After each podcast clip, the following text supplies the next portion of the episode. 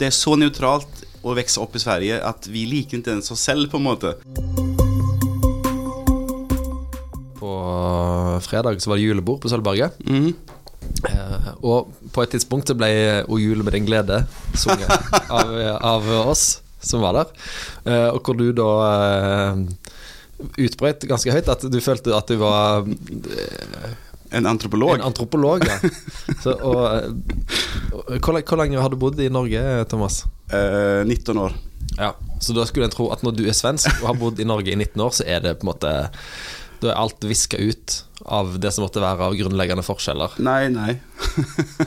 Men du, jeg vil gå ut fra at du føler det sånn ganske ofte, da. At du er eh, At det ikke er forskjell på deg og en innfødt eh, nordmann. Ja, det syns jo ingen skillnad, liksom. Og når jeg, når jeg flyttet til Norge, så var jeg sikker på at dette bare var liksom Sverige vest. Liksom. Ja. Men det var det absolutt ikke. Det var jo, det var jo tydelig med en gang at det ikke var det. Det, var, det er sånn utrolige forskjeller. Kan du huske noen av de tingene du reagerte på? Ja, det, det jeg reagerer mest Men er det, dette er jo Vestlandet også, så det er jo ekstra norsk, liksom. Jeg føler jo at de i Oslo er mye mer like Sverige. Okay. Men det var, jeg husker jeg liksom sendte melding hjem til noen kompis i Sverige så at, eh, For jeg syns alle var så eh, ingen, så, ingen sier hei. Ingen, eh, ikke ens i butikkene sier de hei, skrev jeg til dem. Liksom. Det er ingen som snakker med hverandre. Jeg er fra Göteborg, og det, det er liksom Der kan du godt sette deg på en benk, og så sitter du og snakker med noen som du aldri har sett før. Ja. Eller på bussen, eller sånn. På Ja. trikken. Liksom, men det er jo helt utenkbart her. Da har du garantert mentale problem om du gjør det. Da Ok. er det sånn, ja. Så, men det, det har jo kommet over. Det er ikke sånn at jeg forventer meg det nå, men det var, det var en veldig Men det er jo litt sånn som hun eh, Agnes Ravatn skriver om også. Mm. Eh, I den der eh, eh, 'Verden er en skandale'. Der hun har liksom kommet fra Vestlandet, bor i Oslo lenge, flytter tilbake igjen. Og de der kontrastene, liksom. Ja. Så det er samme kontrast som jeg opplevde, bare at enda sterkere. Siden Sverige er liksom sånn served-minded eh, eh, mekka. Liksom. ja. Ja. Grunnen til at jeg måtte ta opp julebordet til Sølvberget, som jo ikke har noen interesse egentlig for folk utenfor eh, staben, men det var dette med, med forskjellen mellom Norge og Sverige som jo slo meg veldig kraftig når jeg leste Peter Englunds bok eh, 'Poltava', Ja. som kom ut første gang i 1988. Ja. Og den har faktisk ikke vært ute av trykk på de 30 årene som har gått, så det er en, en svensk eh, moderne klassiker. ja, det er jo det. Uh, og han var jo bare i slutten av 20-årene når han skrev den. Det er jo helt utrolig. Mm. Altså Poltava er da en eh, eh, fortellingen om hvordan Sverige gikk til krig i 1709 mot eh, stort sett hele Øst-Europa. Ja. De, de bare tok for seg alt som var av naboland. Um, og det var den toppen av Sverige sin stormaktsperiode. Ja, altså jeg er allmennbildet, men jeg har ikke lest den boken. Men sånn som jeg husker det så er vel Sverige på sin topp da. Ja. Altså det har jo vært det, det begynner jo ikke med, med Karl XII. Det har jo, det har jo holdt på i i alla fall över hundra år tror jag. Ja. Att de har härjat runt omkring. Så det, det var ju bara en selvfølge tror jag att de skulle vinna det också. ja. Fullstendig galskap liksom. Det er jo Karl 12., som du sier, da, som, som fører troppene sine langt, langt innover i eh, Øst-Europa. Og har da vært i krig i ni år sammenhengende idet de kommer til denne byen i Ukraina, hvor de forventer at eh, den russiske hæren skal gjøre det en pleier å gjøre, nemlig bare trekke seg tilbake.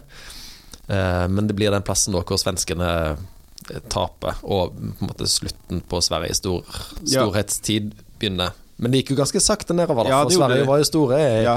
jeg leste, leste om dette her i går når jeg forberedte meg, at det var jo ganske sterke ønsker i svenske eh, politiske kretser om å, å gå til militæraksjonen i 1905. Når Norge skulle ut Ja, av ja, ja. ja, sånn at det, Det var det. Nej, men det, jag vet inte om var det det jag snackade om detta med, för det, det här med Sveriges stormaktsdagar hängde ju igen ganska länge. Mentaliteten i Europa var att Sverige ändå var en stormakt mm. överraskande länge. Mm. Sånt som när, i samband med Napoleon och uppgöret eh, där eh, efter Napoleonkrigen så, så miste Sverige Finland, för Sverige hade haft Finland då.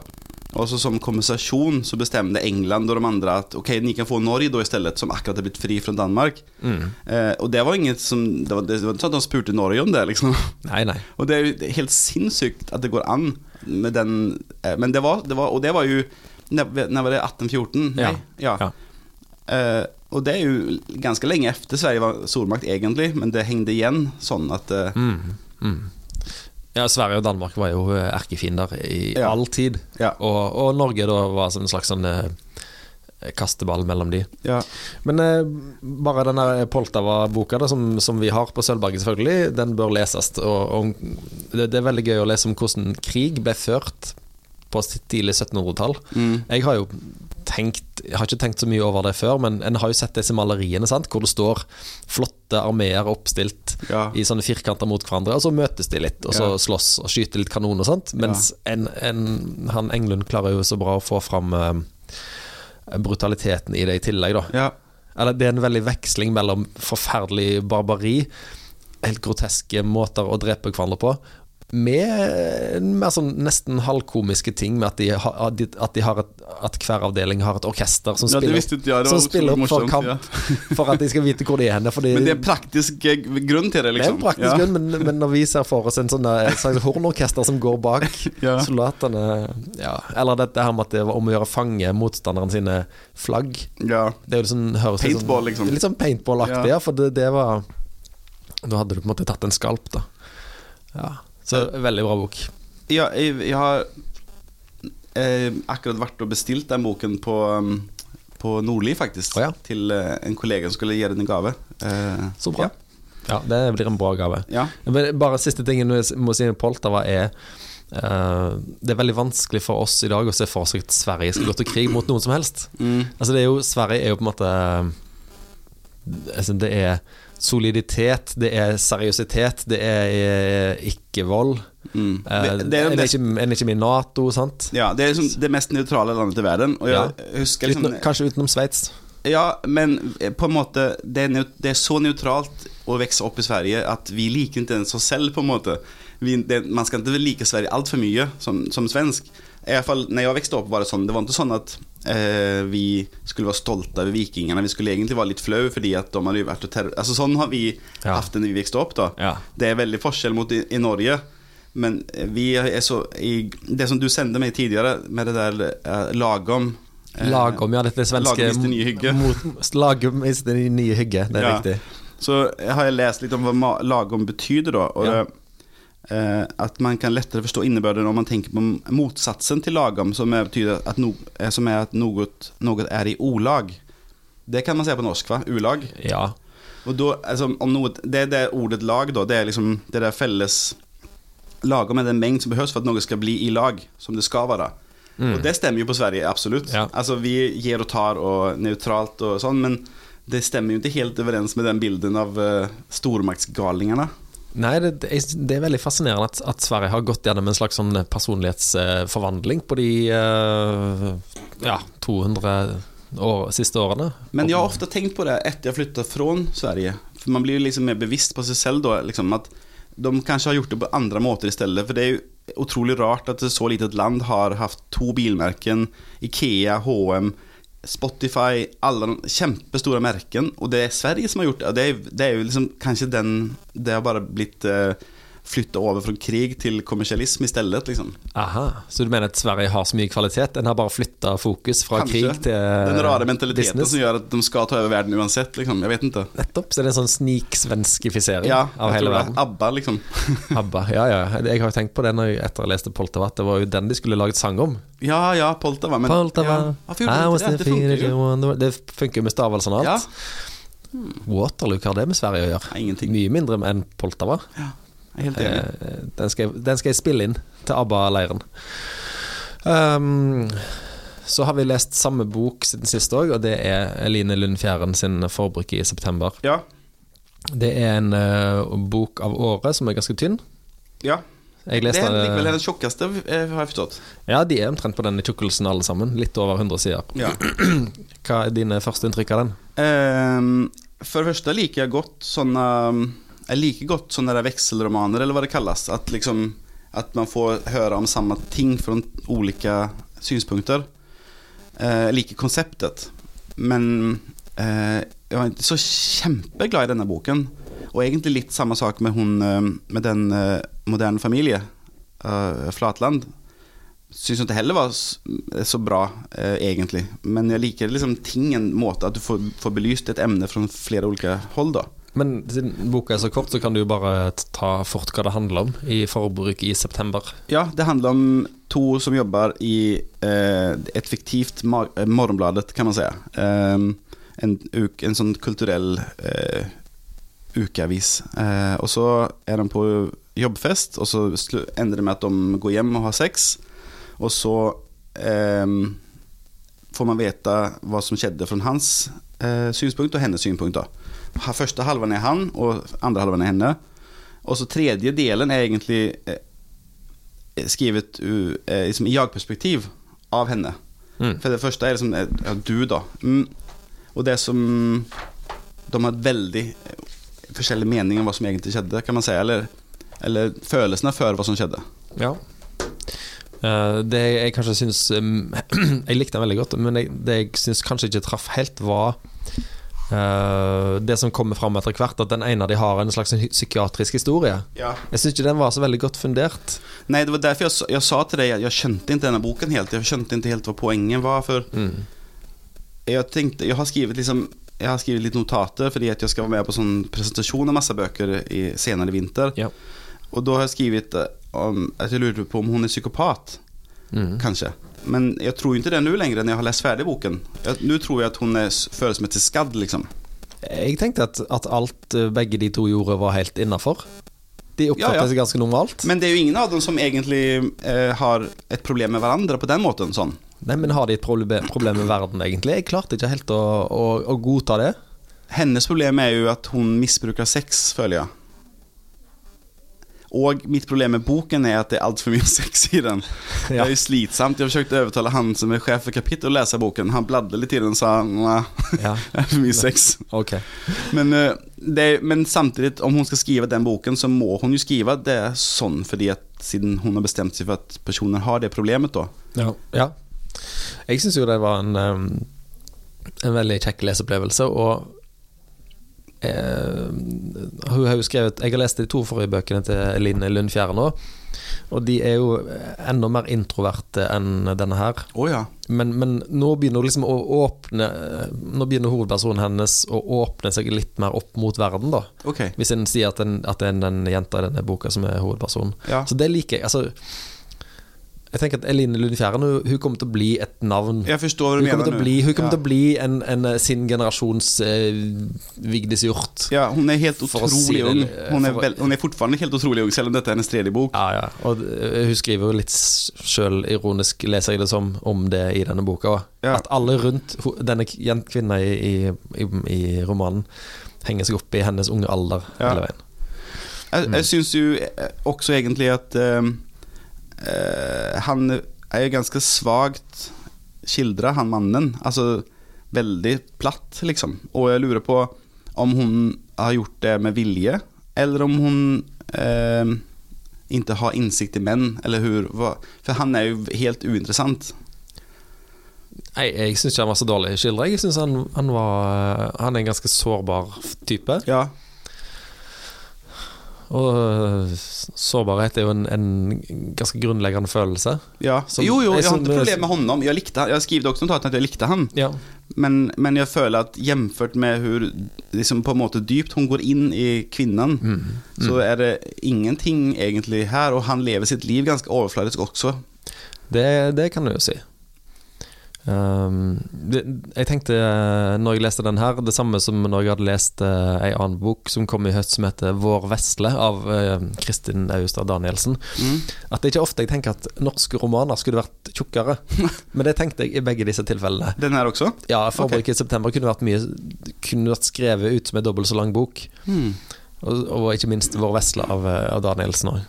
Og det er jo bedre at det er den veien nå. At, det, Ja, ja, ja. at de er for eh, korte enn at de er for lange. Men jeg, jeg må jo bare si Jeg syns ikke det var en dårlig bok, altså. Jeg, Nei, nei. jeg tykte bare at um, um, uh, jeg, jeg forsto ikke helt um, det, Jeg vet ikke, det mangler noe, følte Ja, jeg. da mm, enig. Ja, jeg jeg ikke, jeg syns ikke han er en helt fullendt bok, men Nei. jeg syns han har så mye i seg som er verdt å, å sette pris på. Jeg må bare lese noen utdrag. Det, det, jeg, det jeg tenkte når jeg leste den, var at denne boka her, den skildrer så bra hvordan hvordan forelska folk tenker. Ja, Hvordan forelsker folk ja oppfører er seg. På hans, eh, ja, på hans side, eller? Ja, kanskje mest på hans side, ja. Og, og måte um, Selv om disse her to er da en del av eh, kultureliten og den tenkende klassen, så er de på en måte like enkle og dumme som alle oss ja, andre. Absolutt. Følelser er følelser, liksom. Skriver, her skriver, fortelles det fra hans synsvinkel. Det er ting ved henne som han ikke liker. Det må det være, og han forsøker å tenke på det nå før hun kommer. Kan ikke lenger plassere henne liksom over seg selv. Han må hente henne ned igjen, gjøre henne menneskelig, for at det skal bli mulig å konversere normalt. Dette er jo eh, Det er veldig bra. klassisk sånn Ja. der, eh, Ja. Jeg vet nå at jeg, at jeg driver og forguder en person som er ganske gjennomsnittlig, Ja. og det må jeg slutte med. Ja. Nei, det er veldig Ja, det bra. Jeg er enig. Altså, en scene som jeg husker, er når hun står ved eh, vann eh, Hun skal ta vann. Ja. Og han lager en kjempelang historie for seg selv om hvordan han skal klare å gå og snakke med henne. Liksom, og Ja, ja, ja. Eh, Det er veldig bra beskrevet, jeg er enig i det. Og så kommer det litt senere her, da. Eh, han kan ikke bekrefte henne for mye, det vet han godt. Da vil hun si seg ferdig med ham temmelig raskt. Det må være akkurat nok, og dessuten må han variere komplimentene for å vise at han ser ting ved henne som andre ikke har plukket opp tidligere, slik at hun kommer tilbake etter mer. ah! Dette er sånn en sitter bare og rødmer litt når jeg leser, for Ja. det er så lett å kjenne seg igjen. Ja, og, men det som er interessant Eller som, jeg vet ikke, det som er kjennetegnende for boken, føler jeg er sånn, De er så utrolig selvbevisst hele tiden, begge to. Veldig selvbevisste. Helt ekstremt. Uh, denne her boka kan en putte inn i en sånn tidskapsel, og så kan en eh, pakke den opp om 50 år av våre barn, og så kan de tenke sånn tenkte folk Yes, ja. om forhold og om kjønn og hverandre i 2018. Ja. I et visst sjikt av eh, viss befolkning i Norge, verdens rikeste land. Ja. Uh, nei, det, det er liksom Det er altoppslukende. Liksom, til og med mens de har sex, tenker begge to på andre ting om Altså sånn hvordan de framstår, og uh, Det er helt Det er liksom det ene som opptar dem, egentlig. Ja. Hvordan de blir oppfatta. Ja. Det var utrolig plagsomt. ja og de har, begge to er så beleste at det er på en måte ehm, spiller inn på alt de gjør, da. Mm. Han, han driver og tenker på at han, at han er så forelska, så driver han og drar inn sånn push and pull-teori. Ja. Jeg syns det er veldig bra. Ja, jeg, som avslutning på henne, da, om du vil det, så jeg liker utrolig godt det hun skriver i Morgenbladet. Det er alltid bra. Og hun er jo egentlig en veldig politisk person. Og det er jo denne, det er en politisk bok på en måte. Det, det er jo kult at det er omvendt her. Det er jo hun som er sterk. Eller i, i deres forhold i hvert fall er hun sterk, kan man si. Siden hun vil ha det mindre enn han vil. Ja. Og det er jo interessant. Så hun er jo en utrolig bra skrivent skribent. ja, det er bare til å lese videre i hennes forfatterskap. Det kommer Ja. til å komme masse bra bøker Ja. derfra. Så har du lest to bøker som jeg ikke har lest, men jeg har eh, gjort et kjapt og gale søk. Heidi Furre, um, 'Dyret'. Handler det om graviditet? Ja, Ja, fortell. Det handler om en ung jente ehm, som er Hun er 26 år, og hun har liksom eh, ingen ordning på noe. Liksom. Hun lever som ungdommer gjør. Eh, ingen mål om noen karriere. Hun har to bachelor, men får ikke helt vite i hva. Kanskje dans, jeg er ikke helt sikker. Og jobber liksom litt som vikar litt her og der. eh, I en kantine, blant annet, og sånn. Og så er hun litt sånn sammen med en fyr. Hun bor ikke i lag med han, eller så, hun bor i kollektiv. Så sammen med en fyr som jobber på kafé. Så de lever liksom ikke med noe mål, på en måte. Og så, etter veldig kort tid sammen med han fyren, så eh, hun at hun blir gravid. Og mm, så begynner hun å tenke annerledes på alt, da, liksom.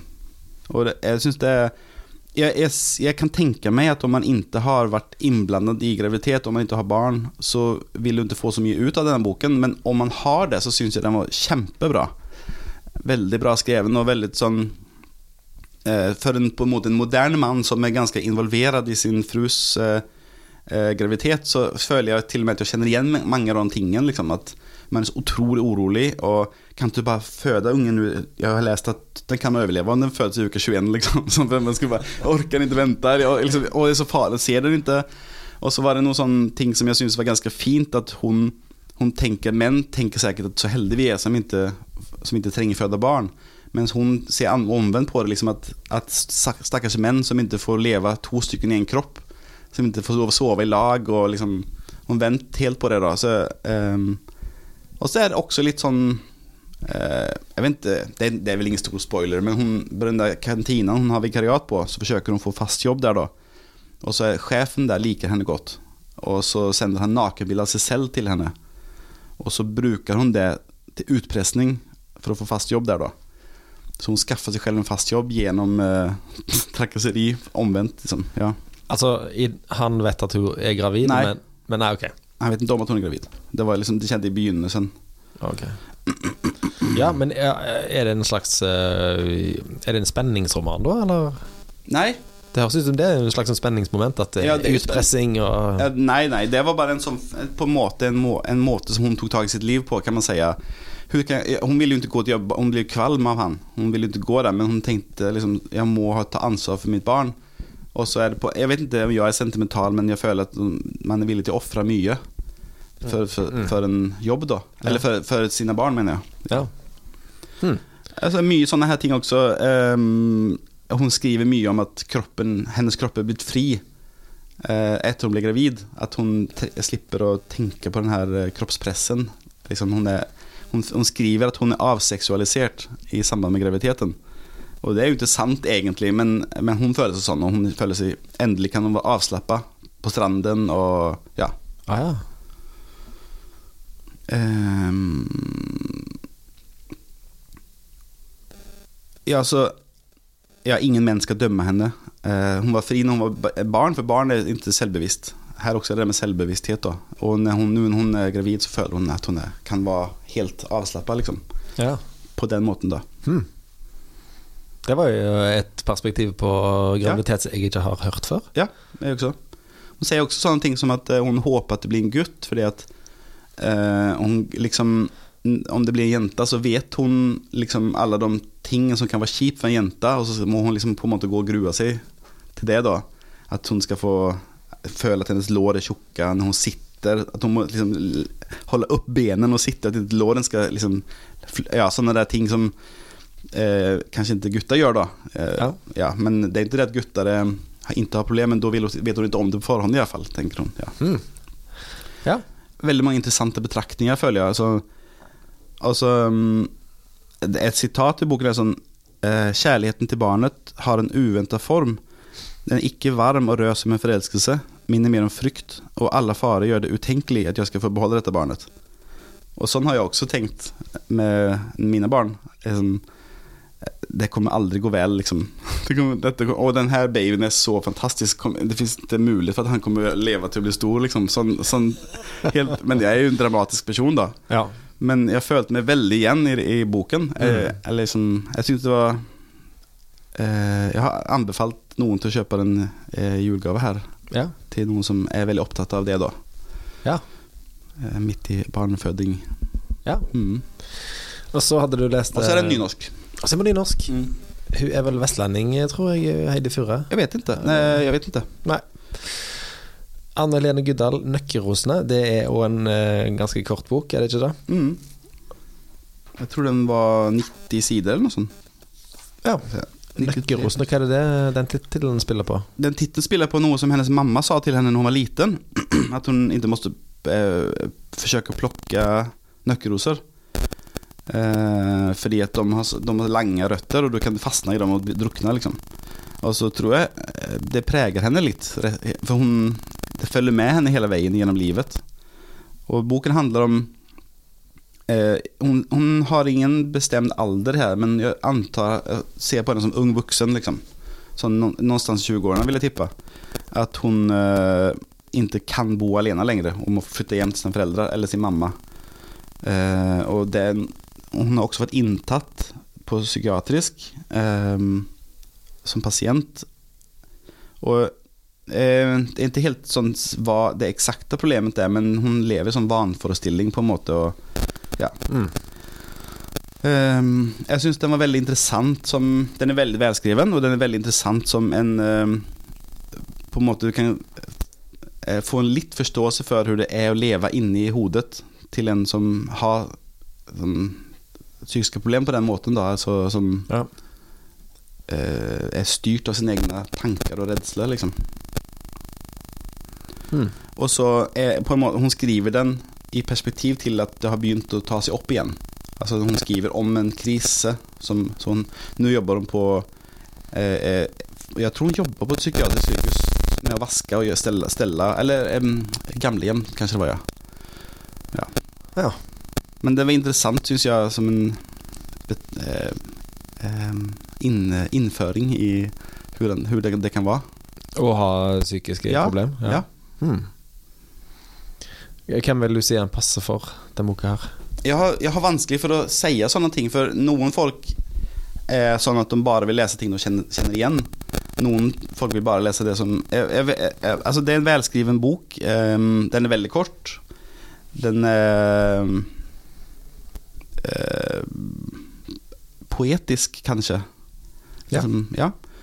Ehm, eh, og eh, sånn som mange andre bøker, handler det som egentlig om verden inni hodet. Da. Hun er veldig veldig oppslukt av sine egne tanker. Ja. Mm. Så mm, jeg vet ikke. Liker du en eh, fin, velskreven, kort bok som eh, kan enten kjennes bekant eller hjelpe deg å forstå andre, så kan du lese den. Siden det nå er øyeblikket jul, så kan vi jo si at disse tre siste bøkene vi har snakket om nå, altså Heidi Furre, Anne Lene Guddal og Eline Lund Fjæren, det er sånne bøker som er så korte og ganske lett tilgjengelig at du kan lese de innimellom julepliktene og sånt. Ja. Det er ikke sånn at du må sette deg ned og ha Nei. fullstendig stilt hus Nei, for at du den- skal kunne lese de og få utbytte Nei, ja, det. det Nøkkelrosen leste jeg på en dag. Dyret leste jeg Den, den, var, den leste jeg på e-bokbib. Så den, da, då, da er det jo greit å se. Da leste jeg exakt halva den første kvelden og så neste halva den andre kvelden. Det var 60 sider cirka. Ja. Ok, skal vi si det var bra? Jepp. Ja.